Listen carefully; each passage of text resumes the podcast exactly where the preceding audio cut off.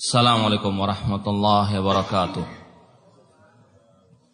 Innal hamdalillah nahmaduhu wa nasta'inuhu wa wa na'udzu billahi min shururi anfusina wa min sayyiati a'malina. Man yahdihillahu fala mudhillalah wa man yudlil fala hadiyalah. Ashhadu an la ilaha illallah wahdahu la syarikalah wa ashhadu anna Muhammadan abduhu wa rasuluh. يا أيها الذين آمنوا اتقوا الله حق تقاته ولا تموتن إلا وأنتم مسلمون. يا أيها الناس اتقوا ربكم الذي خلقكم من نفس واحدة وخلق منها زوجها وبث منهما رجالا كثيرا ونساء واتقوا الله الذي تساءلون به والأرحام. إن الله كان عليكم رقيبا. يا أيها الذين آمنوا اتقوا الله وقولوا قولا سديدا. يصلح لكم أعمالكم ويغفر لكم ذنوبكم. ومن يطع الله ورسوله فقد فاز فوزا عظيما. أما بعد فإن أصدق الحديث كتاب الله وخير الهدي هدي محمد صلى الله عليه وسلم. وشر الأمور محدثاتها وكل محدثة بدعة wa kulla bid'atin dalalah wa kulla dalalatin finnar.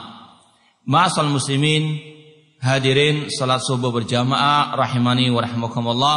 Pertama-tama marilah kita senantiasa memanjatkan puji syukur kepada Allah Subhanahu wa taala yang dengan pertolongannya, hidayah serta taufiknya kita telah melaksanakan salat subuh berjamaah. Semoga Allah Subhanahu wa taala menerima semua amal ibadah kita. Ikhwani fillah wa akhwati rahimani wa rahimakumullah. Pada kesempatan yang berbahagia ini, marilah kita bersama-sama untuk memperbaharui iman kita. Sebagaimana dahulu para salafus saleh, para sahabat mengatakan kepada yang lainnya, ta'alau nu'min sa'atan. Kemarilah wahai para sahabatku, kita duduk sejenak untuk memperbaharui iman kita. Karena memang iman yazidu wa yangkus.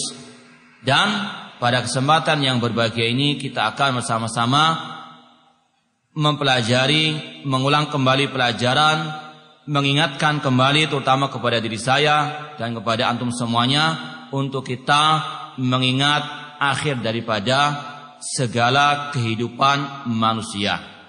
Itulah al-iman bil yaumil akhir, iman kepada hari akhir yang merupakan salah satu rukun iman yang tidak sah iman kita tanpa mengimani al-iman bil yaumi al-akhir.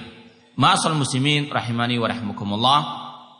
Allah Subhanahu wa taala tidak akan menjadikan manusia kekal abadi di atas muka bumi ini. Dunia hanyalah tempat kita yang sementara. Tidak ada sekali lagi yang kekal abadi di atas muka bumi ini. Semuanya silih berganti dan pada akhirnya Allah akan hancurkan dunia ini. Allah Subhanahu wa taala berfirman, "Kullu syai'in halikun illa wajha." Segala sesuatu yang ada di atas muka bumi ini akan binasa, akan hancur. Kullu man 'alaiha fan. Setiap yang ada di atas muka bumi ini pasti akan binasa wa yabqa wajhu rabbika dzul jalali wal ikram. Dan kekalah wajah Rabbmu yang memiliki kemuliaan dan kebesaran. Kullu nafsin dha'iqatul maut. Setiap jiwa pasti akan merasakan kematian. Maka keyakinan seperti ini wajib untuk selalu kita bawa untuk kita betul-betul ingatkan diri kita. Ma'asal muslimin rahimani wa rahmakumullah. Kewajiban kita untuk selalu mengingat akan kematian. Sebagaimana kata Rasul SAW, Akthiru zikra hadimil. Perbanyaklah kalian dari mengingat penghancur segala kenikmatan. Itu al-maut. Kehidupan di dunia tidak ada yang kekal abadi. Semuanya silih berganti seperti malam dan siangnya. Tidak ada yang kekal, tidak ada yang selama-lamanya hidup di atas muka bumi ini. Maka apa yang kita harapkan di dunia ini melainkan hanyalah mencari bekal sebanyak-banyaknya untuk kita menghadap kepada Allah Subhanahu wa taala. Oleh karena itulah Rasulullah SAW sering menyatakan man kana yu'minu billahi wal yaumil akhir Barang siapa yang beriman kepada Allah dan hari akhir. Di antara faedahnya kata Pak ulama, kalau kita mengingat iman kepada Allah, kita ikhlas, kita mentauhidkan Allah. Dan kalau kita ingat kepada hari akhir, maka kita akan memperbanyak dari ketakwaan kepada Allah, memperbanyak untuk kita beramal soleh. Karena itulah satu-satunya yang akan bisa kita bawa di akhirat kelak, yang bisa kita bawa menghadap Allah Subhanahu wa taala. Harta kita, keluarga kita, semuanya tidak bisa kita bawa. Yang bisa kita bawa adalah amal soleh kita. Ketika di alam barzah, yang kita bisa bawa hanyalah amal soleh yang bisa membahagiakan kita adalah amal soleh. Oleh karena itulah Allah mengatakan, wa tazawwadu fa inna taqwa. Berbekalah dan sebaik-baik bekal adalah ketakwaan kepada Allah Subhanahu wa taala.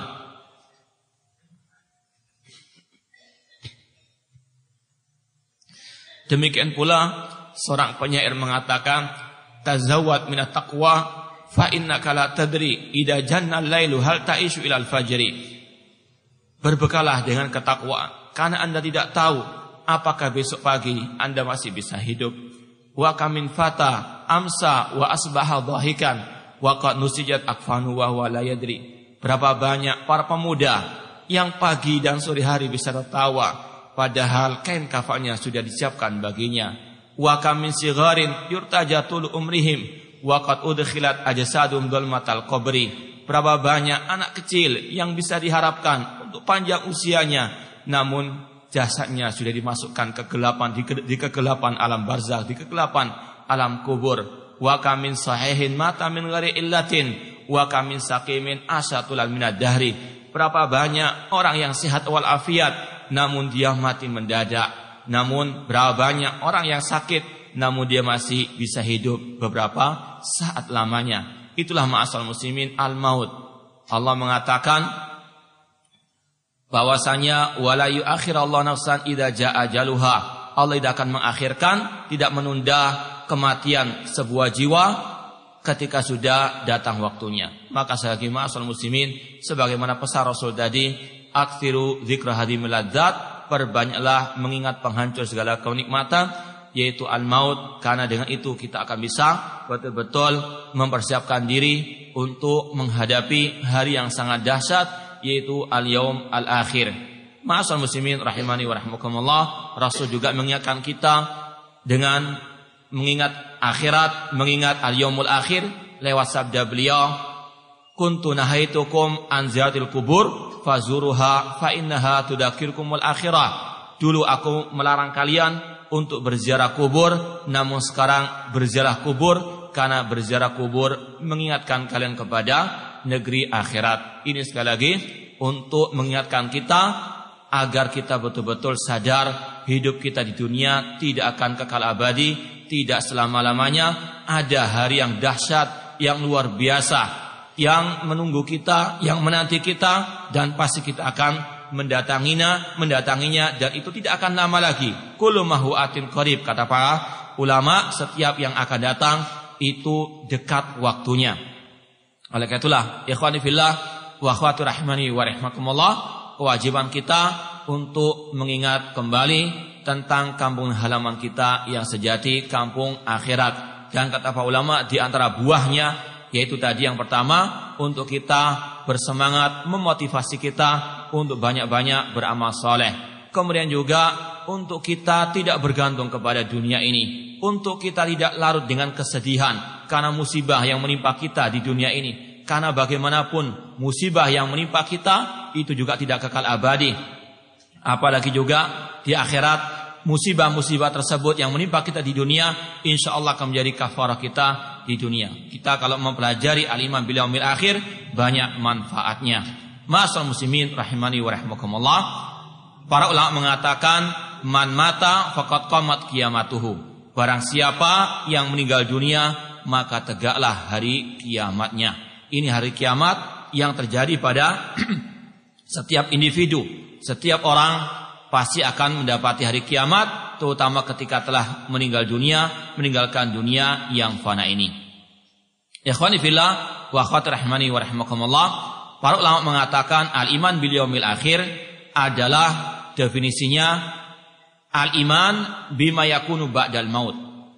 Iman kepada hari akhir artinya mengimani apa saja yang terjadi setelah kematian. Yang pertama adalah kejadian yang terjadi di alam barzakh.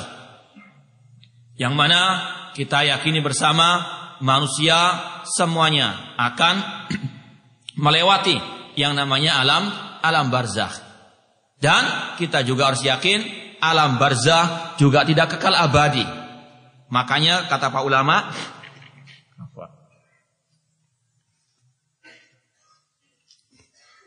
Makanya kata para ulama, alam alam barzah karena tidak kekal abadi, maka tidak boleh ketika kita menyiarkan tentang kematian seseorang atau tentang pemakaman seseorang, kemudian kita mengatakan kita telah mengantarkan saudara kita ke tempat peristirahatan yang terakhir. Ini adalah ucapan yang salah bahkan itu sebetulnya ucapan yang kufur karena mengandung pengingkaran kepada hari kebangkitan. Maka jangan kita ikut latah menyatakan seperti itu sebagaimana yang diucapkan oleh media ataupun sebagian orang yang tidak memiliki al-aqidah as-sahihah. Alam barzah bukan alam yang kekal abadi, maka tidak boleh kita mengatakan seperti tadi. Kita telah mengantarkan saudara kita ke tempat peristirahatan yang terakhir. Seolah-olah alam barzah itu kekal abadi seolah-olah tidak ada lagi alam yang lainnya. Padahal ada alam akhirat ada al-yaumu al-akhir.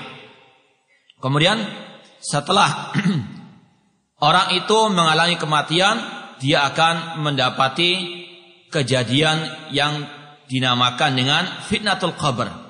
Fitnah al-qabr. Kata para ulama apa itu fitnatul qabr? Yaitu soalul malakain. Marrabbuka wa man nabiyuka wa siapa Rabbmu siapa nabimu dan apa agamamu. Ini semuanya tidak akan mungkin bisa dijawab kecuali oleh orang-orang yang beriman yang istiqomah di atas atau hid yang istiqomah di atas al-aqidah sahihah karena Allah mengatakan yusabbitullahu alladhina amanu bil qauli tsabiti fil hayati dunya wal akhirah. Allah mengokohkan orang-orang yang beriman dengan ucapan yang sabit, ucapan la ilaha illallah di kehidupan dunia dan di kehidupan akhirat. Ini sekali lagi hanya orang yang beriman yang Allah kokohkan hati mereka, lisan mereka untuk menjawab pertanyaan mungkar wan nakir. Dan itu semuanya butuh persiapan di dunia ini.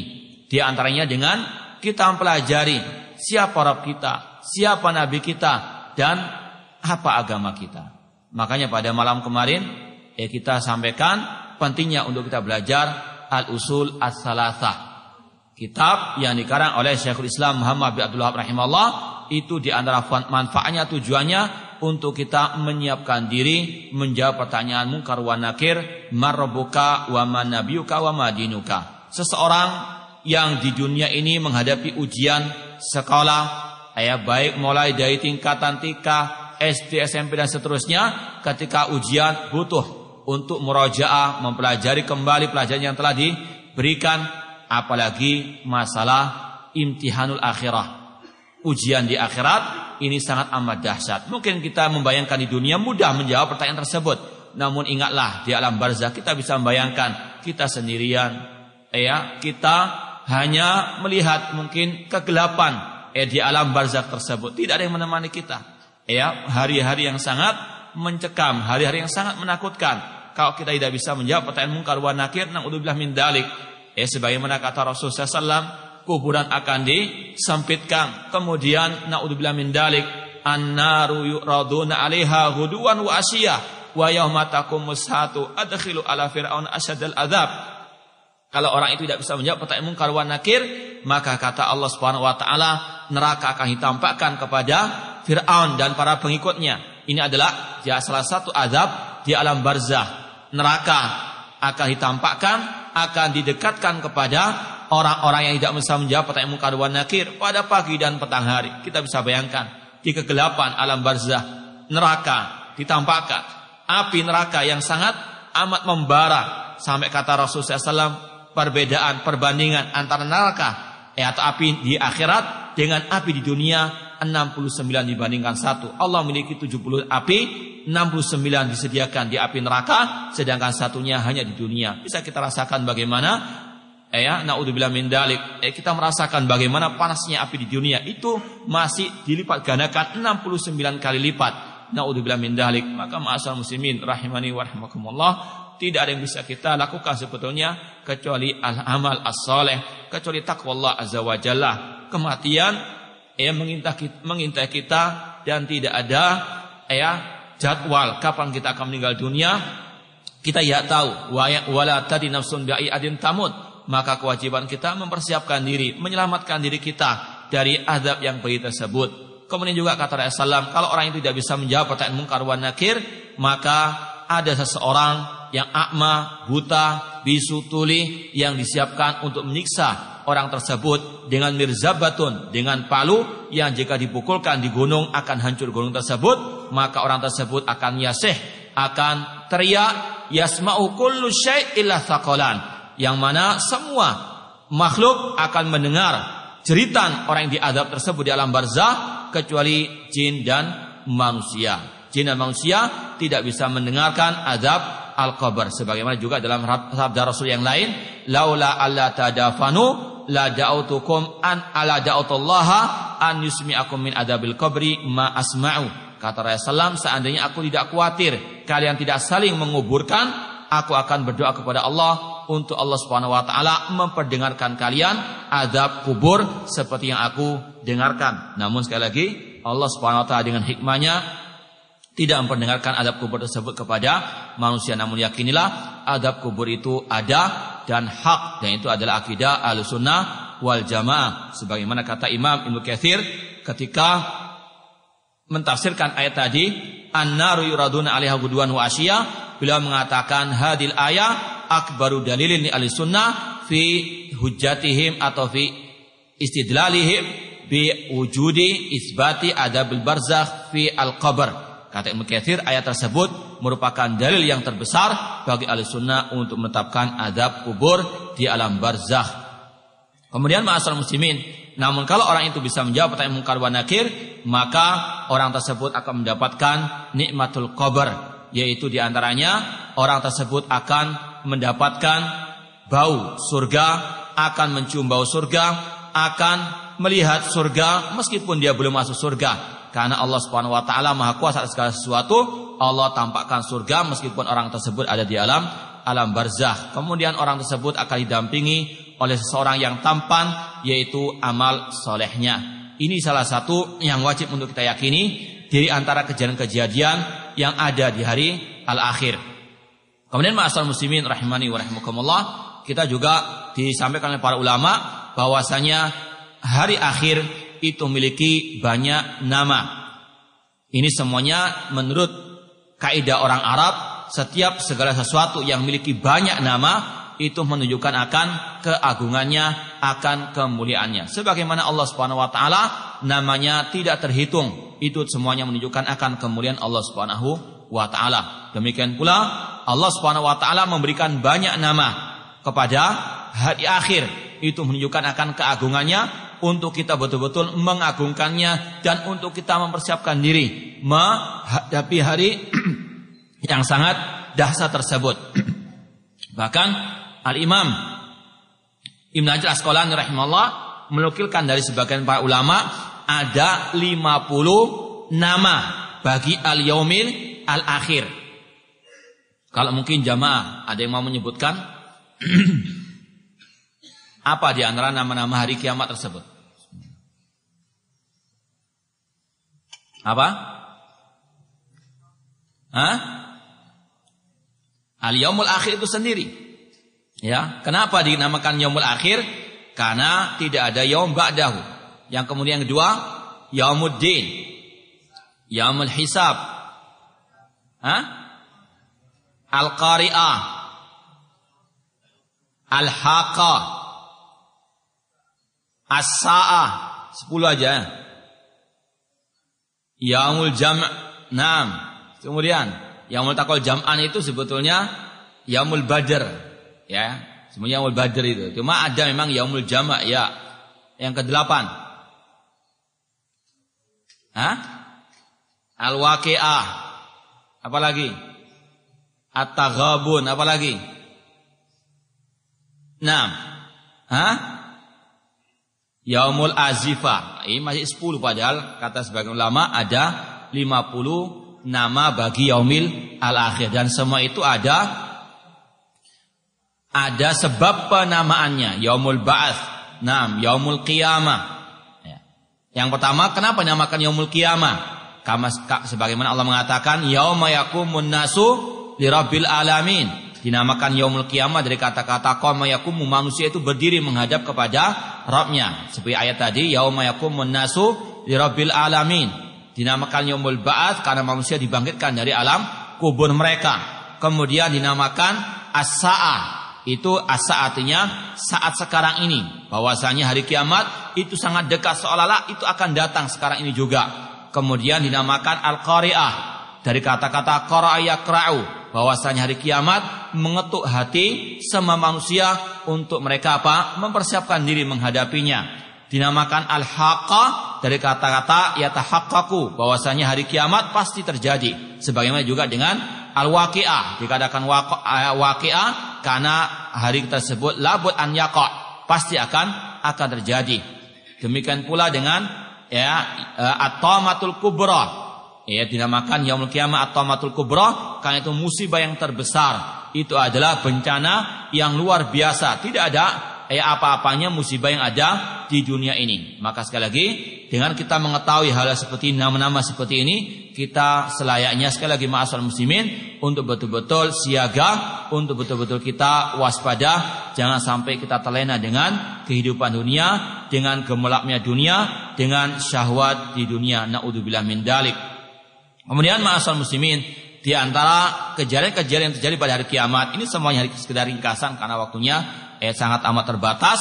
Yang pertama, yaumul al-ba'ats, manusia dibangkitkan dari alam alam barzakh.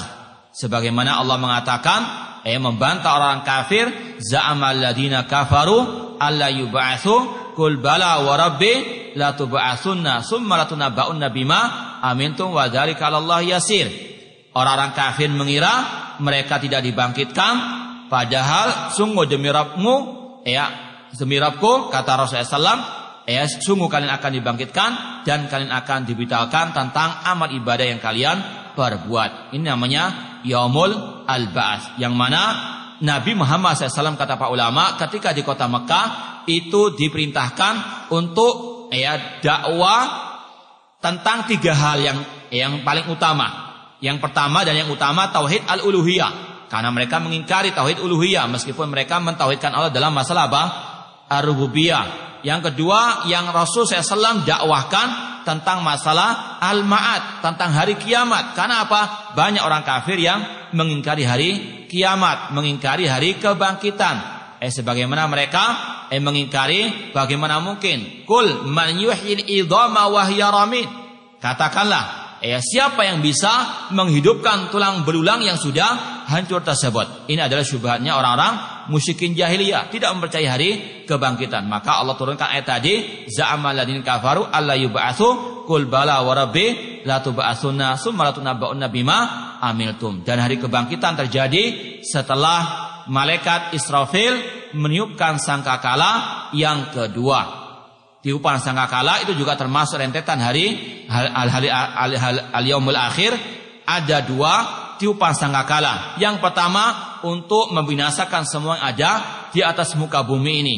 Kemudian yang kedua untuk apa membangkitkan manusia dari alam barzahnya. Sebagaimana Allah berfirman dalam surat Az-Zumar, "Wa nufikha fis suri fasa'iqa man fis samawati wa man fil ardi illa man Allah summa nufikha fihi ukhra faidahum qiyamun yanzurun. Eh, ingatlah ketika hidupkan sangkakala yang pertama wa nufikha fi suri fasaiqa man fis samawati wa man fil ard. Semua yang ada di atas muka bumi ini akan binasa. Dan harus kita yakini hari kiamat tidak akan tegak kecuali kepada orang-orang kafir. Bahwasanya Rasul mengatakan min asrarin nas man tudrikum sa'atu wa ahya.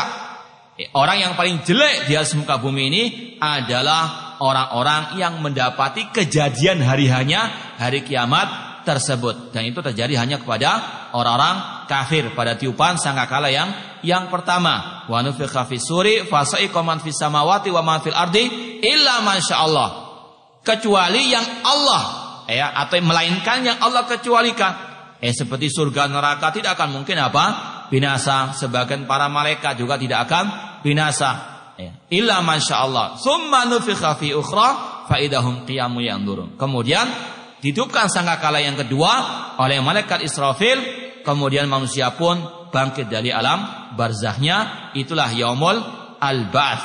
Ya, meskipun memang ada khilaf ya para ulama apakah betul yang meniupkan sangkakala itu Israfil atau atau yang lainnya. Namun yang rojeh Kata Ibnu Hajar Asqalani bahkan beliau mengatakan ijma ulama menyatakan Israfillah yang meniupkan sangkakala tersebut baik yang pertama maupun yang kedua dan sebutkan dalam sebuah riwayat sejak diciptakannya malaikat Israfil dia sudah bersiap standby untuk menjalankan perintah Allah meniupkan sangkakala tersebut. Kemudian sekali lagi yang kedua, sangkakala yang kedua terjadilah yaumul al-bas manusia dibangkitkan dari alam barzahnya. Kemudian apa setelah itu?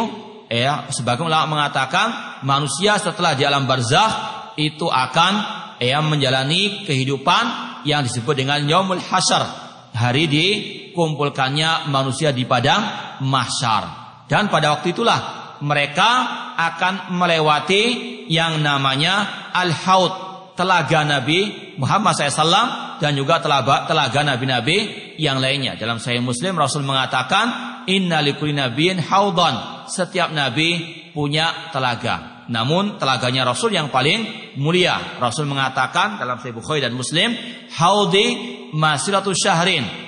Telagaku itu eh jaraknya satu bulan perjalanan. Wazawayahu sawa. Bentuknya itu bujur sangkar. Eh antara lebar dan panjangnya itu sama kata Rasulullah ma'uhu abyadu minal laban. Airnya lebih putih daripada susu. Dalam riwayat lain, ahla minal asal, lebih manis daripada madu. Kemudian wa atyab min misik dan lebih wangi daripada minyak kasturi. Kemudian Rasul mengatakan man syariba minhu lam yadma abadah. Barang siapa yang minum dari telaga tersebut tidak akan dahaga selama-lamanya. Eh semoga Allah Subhanahu wa taala menganugerahkan kepada kita nikmat meminum dari telaga Nabi Muhammad sallallahu alaihi wasallam. Namun ada sebagian kaum muslimin yang diusir dari telaga tersebut, yaitu di antaranya orang yang murtad dan orang-orang yang berbuat kebid'ahan. Rasul saya salah mengatakan bahwasanya ketika ada sebagian kaum muslimin meminum dari telaga Rasul diusir oleh Allah Subhanahu wa taala.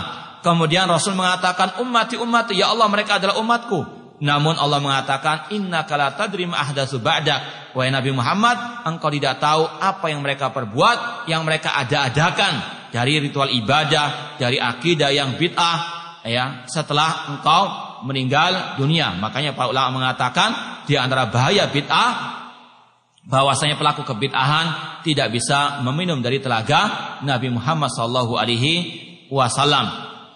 Dan telaga tersebut airnya dalam riwayat yang sahih dari Al-Kautsar. Sebagaimana firman Allah inna a'tainaka kal kautsar sesungguhnya kami telah menganugerahkan kepadamu Al-Kautsar. Di antara makna Al-Kautsar kata para ulama yaitu sungai di surga yang airnya mengalir sampai ke telaga Nabi Muhammad sallallahu alaihi wasallam. Kemudian kalau bercerita tentang Yaumul Mahsyar kita ingat hari yang sangat eh dahsyat yang luar biasa bagaimana kata Rasul SAW yuhsyarun nasu hufatan uratan hurlan. Manusia dikumpulkan pada hari kiamat dalam keadaan tidak beralas kaki tidak berpakaian dan tidak dikhitan. Dikembalikan sebagaimana awal penciptaan manusia. Sebagaimana ini yang terjadi pada awal penciptaan manusia tidak ada pakaian yang menempel, tidak ada alas kaki dan juga tidak dikhitan. Demikian pula pada waktu hari hari kiamat. Kemudian Aisyah radhiallahu anha pernah mengatakan ya Rasulullah, eh kalau demikian keadaannya, apakah tidak memungkinkan bagi manusia laki-laki melihat kepada lawan jenisnya. Kata Rasulullah a'dham min dalik. Bahwasanya hari itu ya sangat dahsyat tidak mungkin seseorang bisa memikirkan tentang apa? nafsu syahwatnya, hari-hari yang sangat amat mencekam. Ini kalau kita mendengar hal seperti ini, naudzubillah min dalik. Mengapa kita kita masih berbuat maksiat kepada Allah Subhanahu wa taala sedangkan pada hari itu sebagaimana kata Allah, fa idza ja'atis sakha yauma yafirrul mar'u min akhi wa ummihi wa abi wa sahibati wa bani likulli imri'in minhum yauma idin sya'nu yughni. Ketika, ketika ditiupkan sangkakala, yauma yafirrul mar'u min akhi, setiap orang akan lari dari saudaranya wa ummihi wa abi lari dari ayah dan ibunya. Wa sahibatihi wa bani lari dari istri dan anaknya. Padahal mereka adalah orang yang kita cintai. Namun pada hari kiamat nafsi-nafsi setiap orang mempertanggungjawabkan perbuatannya masing-masing. Tidak ada yang bisa menolongnya kecuali Allah kemudian amal solehnya. Kata Allah likulli imri'in minhum yawma idin setiap orang sibuk dengan urusannya masing-masing. Itulah jawaban Rasul kepada Aisyah radhiallahu anha setiap manusia itu akan sibuk dengan perbuatannya mas dengan mempertanggungjawabkan perbuatannya masing-masing. Likulli imri'in minhum yawma idin sya'nu yughni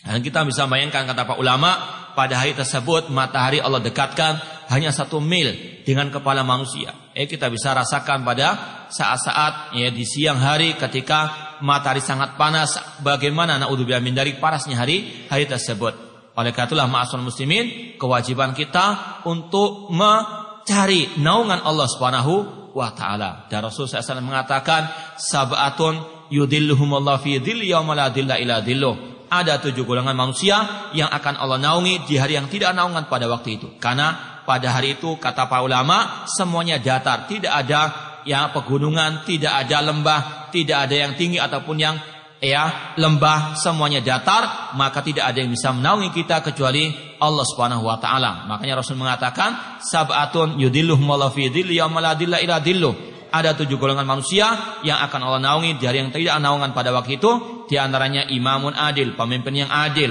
Yang kedua, syabun nasyafi taatillah, pemuda yang tumbuh dalam ketaatan kepada Allah. Dan yang ketiga, rajulun qalbu mu'allaqun bil masajid, seseorang yang hatinya bergantung kepada masjid, rindu kepada selalu rindu kepada masjid-masjid Allah Subhanahu wa taala untuk beribadah di masjid-masjid Allah Subhanahu wa taala. Kemudian yang keempat, rajulani tahaba fillah, istama alaihi waftaraqa alaihi. Dua orang manusia yang cinta mencintai karena Allah, dia bertemu karena Allah dan dia berpisah juga atau mereka berdua berpisah karena Allah Subhanahu wa taala. Kemudian yang kelima, rajulun da'atu imratun datu jamalin wa mansibin. Faqala ini akhafullah. Seseorang yang dirayu oleh perempuan untuk berbuat kekejian namun dia mengatakan ini akhafullah. Aku takut kepada Allah Subhanahu wa taala. Dan yang keenam yaitu rajulun tasaddaqa bi sadaqatin fa akhfaha hatta la ta'lam shimalumatun fi yaminuhu. Seseorang yang bersedekah dan dia menyembunyikan merahasiakan sedekahnya tersebut karena ikhlas karena Allah tidak mau dipuji oleh manusia, tidak ingin, menginginkan pujian dari manusia. Sampai seolah-olah tangan kirinya tidak mengetahui apa yang disedekahkan oleh tangan kanannya. Dan yang ketujuh, rajulun zakarallah khalian fafadat aina. Seseorang yang dia mengingat Allah, berzikir kepada Allah secara ya sembunyi-sembunyi dengan merahasiakan ya tempatnya dan dia sendirian dan dia pun meneteskan air mata. Semoga Allah Subhanahu wa taala menjadikan kita termasuk ke dalam tujuh golongan yang Allah beri naungan di hari yang tidak naungan pada hari kiamat tersebut. Kemudian ma'asal muslimin, pada hari tersebut manusia dalam keadaan gundah gulana, matahari dekat dengan mereka sebagai mereka tenggelam dengan eh, keringat-keringat mereka. Mereka pun ingin mendapatkan pertolongan. Mereka pun datang kepada Nabi Adam minta pertolongan. Datang kepada Nabi Nuh, Nabi Ibrahim, Nabi Musa, wa Isa. Mereka tidak sanggup untuk ya, membantu orang-orang atau manusia pada waktu itu. Namun mereka datang kepada Nabi kita Muhammad SAW. Kemudian Nabi kita datang kepada Allah. Sujud di hadapan Allah. Kemudian Allah mengatakan irfa rosak. Angkatlah kepalamu. Was'al tu'ta. Mintalah engkau akan diberi. Wasfatu syafaat. Mintalah syafaat. Dan engkau akan diberikan syafaat. Pada waktu itulah Rasul diberikan asyafaatu al-udma, syafaat yang udma artinya yang sangat amat agung yang meliputi semua manusia pada waktu tersebut. Kemudian di hari tersebut Allah Subhanahu wa taala menyegerakan ya untuk menghukumi di antara semua manusia. Dan kata para ulama, wallahu alam yang rojeh, semua manusia akan melihat kepada Allah Subhanahu wa taala pada hari itu, pada yaumul al-mahsyar, baik yang mukmin, yang kafir, yang musyrik, yang munafik semua melihat Allah Subhanahu wa taala. Meskipun kata para ulama tetap berbeda keadaannya. Orang mukmin ketika melihat Allah pada waktu itu dalam keadaan ya bergembira, dalam keadaan senang dikarenakan ya mereka akan mendapatkan janji Allah Subhanahu wa taala yang membahagiakan mereka. Adapun orang kafir munafik meskipun mereka melihat Allah namun melihatnya mereka dalam keadaan gundah gulana, dalam keadaan ketakutan karena mereka tahu mereka akan diadab oleh Allah Subhanahu wa taala. Dan ini sebagaimana kata para ulama seperti Syekh Ali bin Hasan menerangkan, eh seperti perumpamaan eh seorang pencuri atau orang yang berbuat kejahatan ketika melihat aparat keamanan dia merasa apa? Eh merasa takut, merasa ya gundah gulana. Namun orang mukmin ya orang yang baik-baik ketika melihat aparat keamanan dia malah senang karena ada yang menjaganya, ada ya keamanan. Yaitu sekedar perumpamaan di dunia kata Syekh Ali bin Hasan dan juga sebagai ulama yang lainnya. Kemudian setelah itu Allah Subhanahu wa taala mengadakan al-hisab. Al-hisab sebagian orang menyalah ya menyalahpahami atau salah paham dalam masalah al-hisab. Dikira hisab itu apa? Hari perhitungan dalam artian hitung-hitungan amal kebaikan dan amal kejelekan. Padahal yaumul hisab bukan itu maknanya. Yaumul hisab kata para ulama litakriril amal untuk pernyataan amal. Bagaimana itu eh, kejadiannya? Yang pertama, kalau untuk orang mukmin Allah Subhanahu wa taala yakhlu bil mukmin. Eh berduaan dengan orang mukmin. Kemudian Allah mengatakan alastafal takada wa kada bukankah engkau telah berbuat demikian dan demikian dari dosa-dosa dan sebagainya? Ya Allah hisap orang mukmin tersebut. Kemudian orang mukmin tersebut mengakui perbuatan dosanya tersebut dan dia merasa akan binasa. Namun Allah Subhanahu wa taala mengatakan, "Qad satartuha 'alaika fid dunya wa akhfiruha lakal yauma." Aku di dunia telah menutupi dosa-dosamu tersebut dan pada hari ini telah aku ampuni dosa-dosamu. Semoga Allah Subhanahu wa taala mengampuni semua dosa-dosa kita. Itulah di antara makna yaumul hisab. Apa yaumul hisab? Yaumun litakrir amal. Hari pernyataan amal perbuatan manusia. Adapun orang kafir akan Allah hisab di hadapan seluruh umat manusia. Akan Allah beberkan semua aib-aib mereka dan tentunya mereka tidak akan mendapatkan ampunan dari Allah Subhanahu wa taala. Kemudian pada waktu itu juga mereka akan mendapatkan eh catatan amal perbuatan mereka. Sebagaimana kata Allah, fa amman utiya kitabahu biyamini fasawfa yuhasab hisaban yasira. Adapun orang-orang ya yang diberikan catatan amal perbuatannya dengan tangan kanannya, maka mereka akan dihisab dengan hisaban yasira. Tadi hisab yasira tadi yaitu ya Allah berduaan dengan mereka dengan orang mukmin eh dan Allah sebutkan eh, sebagian daripada dosa orang mukmin, kemudian Allah pun mengampuni dosa-dosa tersebut. Allahumma hasibna hisaban yasira. Eh, semoga Allah sekali lagi menghisap kita dengan hisaban yasira. Kemudian kata para ulama, hisaban yasira itu sebagaimana dalam hadis namanya al-ard, yaitu hanya pemaparan saja, eh tidak dihisap dengan dengan detail. Sebagaimana kata Aisyah radhiallahu anha eh, Rasul mengatakan manukisal hisab udzib barang siapa dimunakosa itunya eh, didebat dalam hisabnya maka dia pasti akan binasa. Kemudian Aisyah bertanya, "Ya Rasulullah, bagaimana dengan ayat tadi? Fa amman utiya kitabau biyamini fasawfa yuhasabu hisaban yasira." Maka Rasul mengatakan, "Wa dzalika huwal ard." Itulah pemaparan. Hanya dipaparkan saja, tidak didetail, tidak didebat orang tersebut. Ini kalau mungkin kita bisa gambarkan seorang guru misalnya ketika dia mengoreksi eh jawaban ujian eh sang murid ada yang bisa disilakan killer itu di detail meskipun salah titik disalahkan misalnya. Ini adalah hisaban asir naudzubillah min dalik. Adapun hisab yasir hanya melewat saja, lewat-lewat begitu saja kemudian akan diberikan eh, ampunan oleh Allah Subhanahu wa taala. Itu namanya hal hisab al yasir.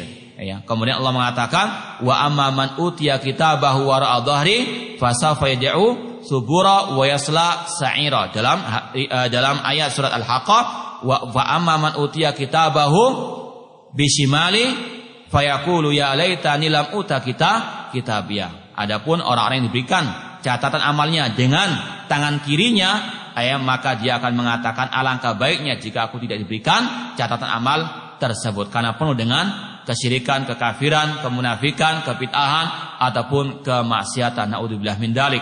Eh, di dalam ayat ini surat Al-Haqqah dan Al-Insyiqaq ini ada perbedaan apa? lafaz ya. Fa amma man utiya kita wa amma man utiya kitabahu wara dhahri surat Al-Insyiqaq. Al-Haqqah eh dengan tangan apa? Dengan tangan kiri. Kata ulama tidak ada pertentangan ayat di antara dua ayat tersebut dan memang tidak akan mungkin ada pertentangan di antara ayat-ayat Allah ataupun hadis-hadis Rasulullah SAW yang as-sahihah. Namun bagaimana menjamakannya? Kata para ulama ya bahwasanya mereka yang diberikan catatan dengan tangan kirinya itu lewat belakang ayat punggungnya. Eh, wa amman utia kitabahu bisimali. Eh, wa amman utia kitab wara dari tangan kiri namun dari apa? dari belakang sebagai bentuk penghinaan Allah kepada orang tersebut. Karena orang tersebut menghinakan Al-Qur'an dan menjadikannya ayah atau membuang Al-Qur'an di belakang punggungnya. Maka pada hari kiamat dia diberikan catatan amal perbuatannya dengan tangan kirinya dan lewat apa? Belakang punggungnya. Naudzubillahi min dalik. Ini yaumul al-hisab. Sekali lagi jangan ya salah kaprah dalam memahami yaumul hisab Ya, karena memang sebagian orang itu berpatokan pada terjemah, padahal salah. Memang betul kalau terjemahnya al-hisab itu perhitungan. Namun kalau kejadian seperti ini itu bukan yaumul hisab dalam arti yang seperti diterjemahkan dalam bahasa Indonesia, namun yaumul hisab itu hari pertanggungjawaban amal perbuatan, hari pernyataan amal perbuatan manusia. Kemudian setelah itu ada yaumul mizan, hari timbangan amal perbuatan. Ini baru apa? Hitung-hitungan amal perbuatan. Allah Subhanahu wa taala mengatakan, "Fa amma man thaqulat mawazinuhu fahuwa fi insyatir radiyah." Adapun orang-orang yang berat catatan amal kebaikannya, maka mereka hidup dalam kehidupan yang diridhoi oleh Allah Subhanahu wa taala. Ya, semoga Allah Subhanahu wa taala memperberat timbangan amal kebaikan kita di hari kiamat kelak. Eh, wa amma man utiya wa wa, wa amma man mawazinuhu fa ummuhu hawiyah wa ma adraka mahya narun hamiyah. Ini adalah penetapan yaumu al-mizan dan kata Rasulullah SAW al-mizan itu elahu kifatan. Ada dua apa? Daun timbangannya untuk menimbang kebaikan dan untuk menimbang apa? kejelekan. Apa saja yang ditimbang? Kata para ulama, yang ditimbang adalah amal perbuatan manusia yang kedua catatan amal perbuatan manusia dan manusianya itu sendiri akan ditimbang oleh Allah Subhanahu wa taala meskipun yang paling menentukan adalah amal perbuatan tersebut.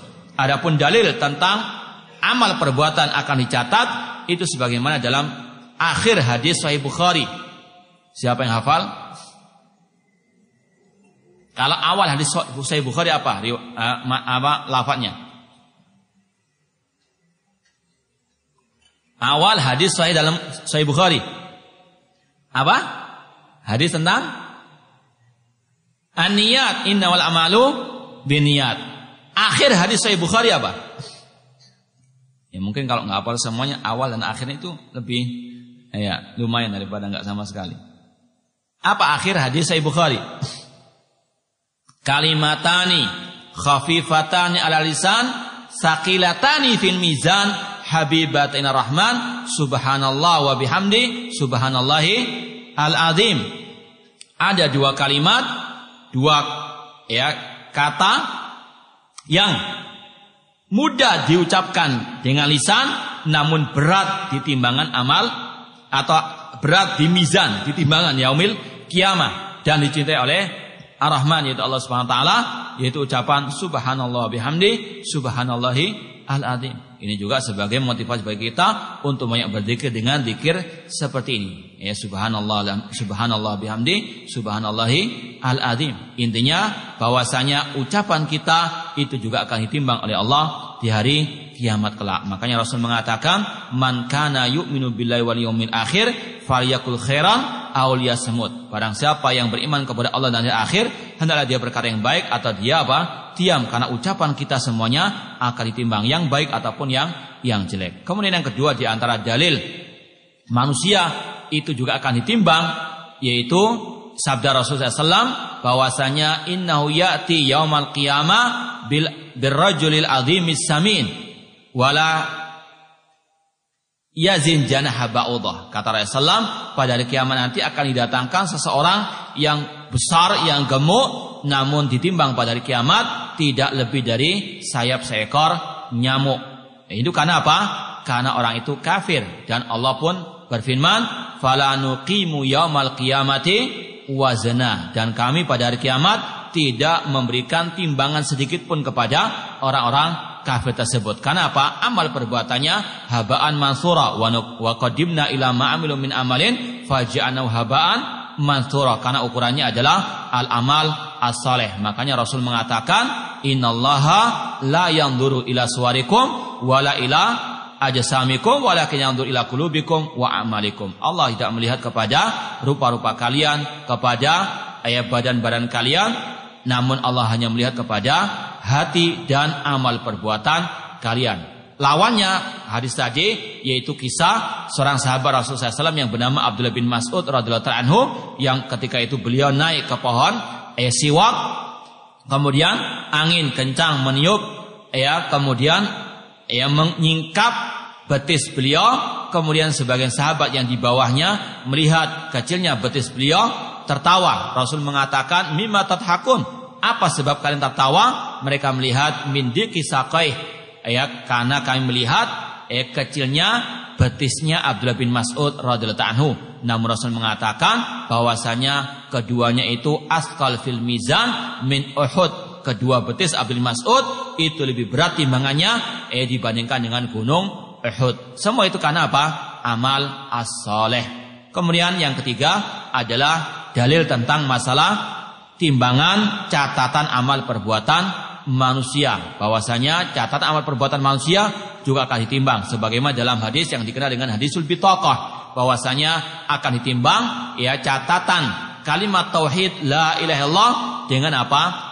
Amal perbuatan manusia yang jelek sampai-sampai dikatakan eh bagaimana mungkin eh catatan yang kecil yaitu kalimat tauhid la ilallah dibandingkan dengan semua perbuatan-perbuatan dosa. Namun justru ya tauhid itulah yang apa? Yang lebih berat. Ya, dikarenakan ya Allah Subhanahu wa taala mengatakan innallaha la yaghfiru an yushraka bihi wa yaghfiru ma duna dzalika liman yasha. Sesungguhnya Allah tidak mengampuni dosa syirik, namun Allah mengampuni dosa syirik bagi yang dia kehendaki. Ini di antara keutamaan tauhid, bahwasanya tauhid itu bisa menghapuskan dosa-dosa manusia. Sebagaimana dalam hadis Rasul mengatakan, dalam hadis kudsi Allah mengatakan, Allah berfirman, Ya ibnu Adam, lau ataitani bi qurabil adi khataya, summa lakitani la bi syai'a, la ataituka bi qurabil adi maghfiratan. Wahai manusia, wahai anak Adam, seandainya kalian datang kepadaku kata Allah dengan membawa dosa sebanyak bumi ini, namun engkau tidak berbuat syirik kepadaku, aku akan mendatangimu dengan ya sebumi ampunan. Ini adalah sekali lagi keutamaan at-tauhid. Ini adalah keagungan tauhid. Oleh karena itulah tauhid merupakan prioritas utama dalam eh, agama al-Islam yang perlu untuk kita betul-betul pahami dan betul-betul untuk kita eh, pegang erat sampai akhir hayat kita nanti. Kemudian ma'asal muslimin setelah adanya timbangan manusia akan melewati namanya asrat eh jembatan. Wa minkum illa wariduha. Dan tidaklah di antara kalian kecuali akan melewati asirat tersebut. Dan kata Rasulullah ya disirat jembatan. Apa itu jembatan? Yaitu ya eh, jembatan ala dari jahanam eh jembatan yang di bawahnya itu adalah neraka jahanam yang mana kata Rasulullah di antara jembatan tersebut ada al kalalib ada eh, besi-besi eh, pengaitnya yang mana ada tiga golongan manusia kata Rasulullah SAW itu yang selamat 100% Eh, dan mereka melewati seperti angin, seperti kilat, seperti eh, mereka menaiki kuda atau menaiki onta. Ini yang selamat 100%. Ada yang tidak selamat 100%. Lewat langsung apa? Jatuh ke neraka jahanam tersebut. Naudzubillah min dalik. Eh kemudian yang ketiga, ada yang terkena kail tersebut namun dia bisa-bisa apa? menyelamatkan diri dan terakhir dia pun masuk ke dalam surga Allah Subhanahu wa taala. Dan Nabi Muhammad SAW yang mengatakan ketika melewati jembatan tersebut, Allahumma salim salim ya Allah, selamatkan dan selamatkan. Ini di antara apa? Ya kejadian-kejadian yang sangat dahsyat di hari kiamat kelak yang sekali lagi ini semuanya memotivasi kita untuk memperbanyak amal soleh dan untuk kita menjauhkan diri dari segala bentuk kesyirikan, kebid'ahan dan kemaksiatan yang dengan itulah insya Allah kita akan bisa selamat dari semua adab di dunia maupun di akhirat. Ya semoga Allah Subhanahu wa taala ya menggolongkan kita termasuk mereka-mereka yang selamat dari fitnah dari dari adab kubur, dari kedahsyatan ya asrat ataupun dari eh adab di neraka jahanam dan semoga Allah Subhanahu wa taala memasukkan kita ke dalam surganya surga tu surga firdaus. Aku luka lihada. Ini yang mungkin bisa kita sampaikan. Mungkin kalau ada satu dua pertanyaan ya karena kita diberi waktu sampai jam 6.15 menit. Wallahu taala alam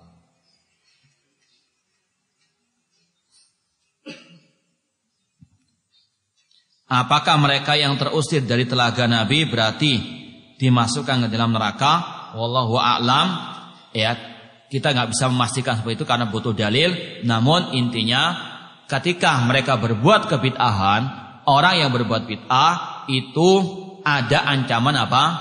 Masuk neraka. Eh kata Rasulullah SAW, kullu bid'atin dolala wa kullu dolalatin finar. Setiap yang bid'ah itu sesat dan setiap kesesatan tempatnya di neraka. Namun memastikan apakah yang diusir dari telaga itu pasti masuk neraka, wallahu alam. Saya tidak tahu karena tidak tahu dalilnya ini masalah akhirat, tidak bisa kita bicara kecuali dengan dalil wallahu alam. Cuma memang orang yang berbuat kebid'ahan ancamannya masuk neraka. Ya meskipun sudah kita sering sampaikan urusan neraka surga tidak bisa kita apa menfonis orang perorangannya kecuali dengan ad-dalil. Ya meskipun eh, sekali lagi ini termasuk objektivitasnya ahli sunnah wal jamaah. Mereka tidak ekstrim dalam menentukan masalah hukuman di ya, akhirat. Eh, bahkan kata para ulama, seandainya kita melihat ada orang kafir ya, dia mati dalam status kekafirannya. Entah dia orang Buddha, orang Hindu, mati kita lihat dia itu matinya dalam keadaan apa? Beragama eh Buddha Hindu tersebut. Namun urusan akhirat kita tidak boleh apa? Lancang. Jangan mengatakan oh pasti neraka. Naudzubillah min dalik. Karena apa? Bisa jadi dia masuk Islam kita nggak tahu. Eh, sebelum dia meninggal dunia mengucapkan kalimat syahadat atau mungkin sebelumnya dia sembunyi-sembunyi masuk Islam sebagaimana raja apa? An-Najasi. Ya. Makanya kata ulama, urusan akhirat ini bukan urusan kita. Gak bisa kita menentukan orang ini masuk surga masuk neraka meskipun kita lihat bagaimanapun amal perbuatannya. Yang jelek pun ataupun yang baik tidak bisa kita apa mengatakan ini masuk surga masuk neraka. Ini urusan Allah Subhanahu wa taala apalagi amal perbuatan berkaitan dengan masalah apa? Masalah hati. Wallahu a'lam. Jadi sungguh sesat atau sungguh batil atau salah tuduhan sebagian al bid'ah yang suka apa? mengatakan menuduh kita mengobrol apa urusan neraka. Oh berarti kita masuk neraka kalau kita berbuat bid'ah. Ya, kita urusan perorangan ini antara dia dengan Allah Subhanahu wa taala. Namun kita menghukumi secara umum kullu dolalatin finar sebagaimana sabda Ar-Rasul sallallahu alaihi wasallam.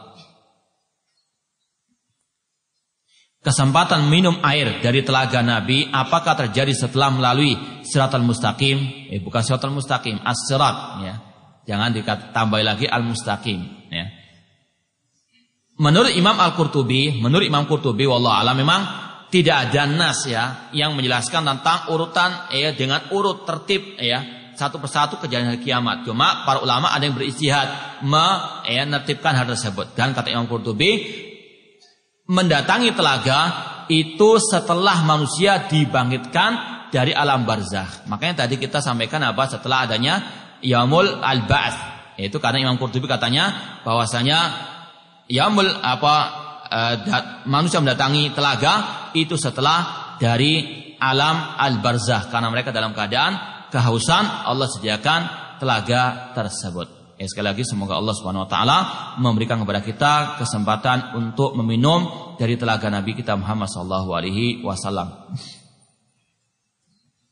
Dalam akidah sunnah wal jamaah katanya Allah memiliki tangan dan kedua tangan Allah kanan semua. Lalu bagaimana korelasi dengan dalil tadi bahwa Allah memberikan catatan amal kepada orang kafir dengan tangan kirinya? Ini naudzubillah min dalik. Kalau ngantuk, ah, uduk dulu. ya. Ini sangat berbahaya ya apalagi nanti mengatakan ya Abdurrahman Toyib mengatakan seperti ini. Alhamdulillah masih bertanya kalau dibawa sampai mati naudzubillah min dalik apa yang disebarkan. Ini adalah su'ul faham, salah paham atau salah mendengar tadi. Eh lagi ngantuk-ngantuk, oh tangan kiri. Ya. Ya ini salah. Ini sekali lagi ini ya eh naudzubillah min dalik ya. Kita yakini Allah memiliki kedua tangan, bal yadahu mabsutotan. Bahkan kedua tangan Allah apa? Terbentang dalam hadis yang sahih Rasul mengatakan wakil yamin dan kedua tangan Allah apa? Terben dan kedua tangan Allah itu kanan. Adapun tadi masa tangan kiri itu siapa? Milik siapa? Manusia. Bahwa saya manusia di hari al-hisab itu ada dua golongan. Ada manusia yang me eh, ya, nerima catatan amal tangannya dari dengan tangan apa? kanannya. Yang kedua manusia yang menerima catatan amal perbuatannya dari kiamat dengan tangan kirinya lewat belakang apa? punggungnya. Itu manusia bukan berbicara tentang masalah Allah. Apalagi kita praktekkan tadi. Ada pengaruh tangan Allah diharamkan kita apa? Mempraktekkan, memperagakan. Ya. Contoh sekali lagi mohon maaf ini yang bertanya seperti ini bertobat kepada Allah Subhanahu wa taala. Ya. Karena ini sangat berbahaya dan jangan diulangi lagi. Masalah akidah, ya konsentrasi, ya jangan ngantuk-ngantukan. Ya makanya kita sering katakan talabul ilmi itu jihad, belajar ilmu itu jihad kata para salafus saleh. Ya namanya jihad itu apa? Konsentrasi. Antum perang, masa ketiduran. Ya tembak, ya kepalanya tembak, telinganya habis satu nanti. Ya, makanya konsentrasi. Kalau salah paham berbahaya. Lebih baik nggak paham sama sekali daripada apa? Ya, salah paham. Namun yang paling baik apa? paham dengan benar. Ya, makanya eh, kenapa ahli bid'ah itu uh, salah? Kenapa banyak pemikiran sesat? Di antaranya apa? Su'ul faham. Karena apa? Salah paham. Seorang penyair mengatakan wa kam aibin kaulan sahiha wa afatu minal fahmi sakim. Berapa banyak orang yang mencela ucapan yang benar itu sebabnya karena su'ul faham, karena apa pemahaman yang yang keliru. Maka sekali lagi lebih baik gak paham sudah ya daripada apa salah paham. Namun lebih baik paham dengan benar. Makanya Ahlussunnah wal Jamaah asal saleh mengatakan wajib kita berpegang teguh dengan Al-Qur'an dan Sunnah dengan pemahaman yang benar, pemahaman para salafu as-saleh bukan sekedar paham saja. Paham namun apa? Pahamnya tidak benar. Itu sangat amat eh, membahayakan. Itulah sekali lagi jangan diulangi lagi. Ya, cukup ya. Ya itu yang bisa kita sampaikan pada pertemuan pagi ini mudah-mudahan manfaat kurang lebihnya saya mohon maaf dan terima kasih perhatiannya wa jazakumullahu khairan katsira wa aqulu qouli hada wa akhiru da'wana anil hamdulillahi alamin wassalamualaikum warahmatullahi wabarakatuh